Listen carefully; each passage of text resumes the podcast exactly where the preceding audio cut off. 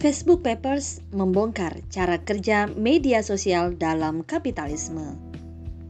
Setelah Pandora Papers, dunia kembali heboh dengan skandal media sosial melalui Facebook Papers yang membongkar upaya perusahaan platform media sosial terbesar di dunia ini menabur konflik dan perselisihan demi meraup keuntungan. Tuduhan di antaranya lebih memprioritaskan keuntungan daripada keamanan, serta menyembunyikan hasil penelitiannya sendiri dari para investor dan publik. Facebook sengaja menggunakan konten-konten kebencian dan berbahaya, membahayakan anak-anak, memicu perpecahan, dan melemahkan demokrasi, walaupun Mark Zuckerberg menyangkalnya termasuk saat Facebook menyembekukan akun Trump yang menyebabkan kerusuhan di gedung Capitol dan kontroversi rumor keterlibatan Rusia di pemilu Amerika Serikat tahun 2016. Dan saat Facebook mengizinkan ujaran kebencian di Vietnam karena alasan kekurangan linguistik, banyak dari pegawai Facebook menantang kepemimpinan perusahaan yang mereka anggap bersekongkol dengan polarisasi kekerasan, memicu polarisasi beracun secara daring ini. Seperti inilah cara kerja media dalam sistem kapitalisme.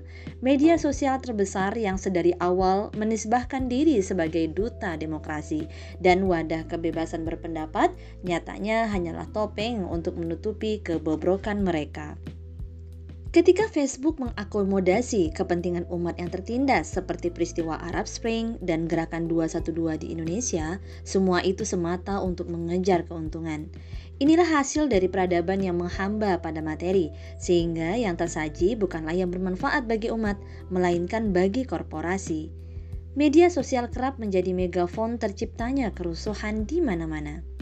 Dr. Vika Komara menilai Facebook menjadi entitas yang memuluskan agenda global kapitalisme dalam kerangka surveillance kapitalisme, pengatau pengintaian kapitalisme terhadap aktivis muslim dan agenda umat Islam seperti pemblokiran atau pembatasan terhadap akun-akun yang menyuarakan ketaadilan terhadap ulama. Peradaban hari ini hanya menjadikan kaum muslim sebagai objek yang termarginalkan. Agar kaum muslim tidak sekadar menjadi objek kaum kafir, maka penting untuk memiliki kemandirian dan kedaulatan digital. Media digital di bawah ideologi Islam akan menebar manfaat bagi kehidupan umat manusia. Generasi muslim harus menjadi pelaku penting dalam ruang digital demi mengemban amanah dakwah khususnya di dunia digital agar umat tidak lagi terbelenggu dengan algoritma korporasi hasil teknologi kapitalis.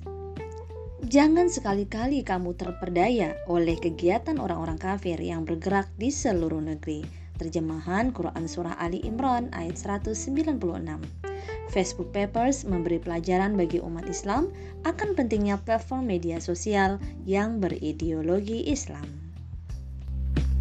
thank you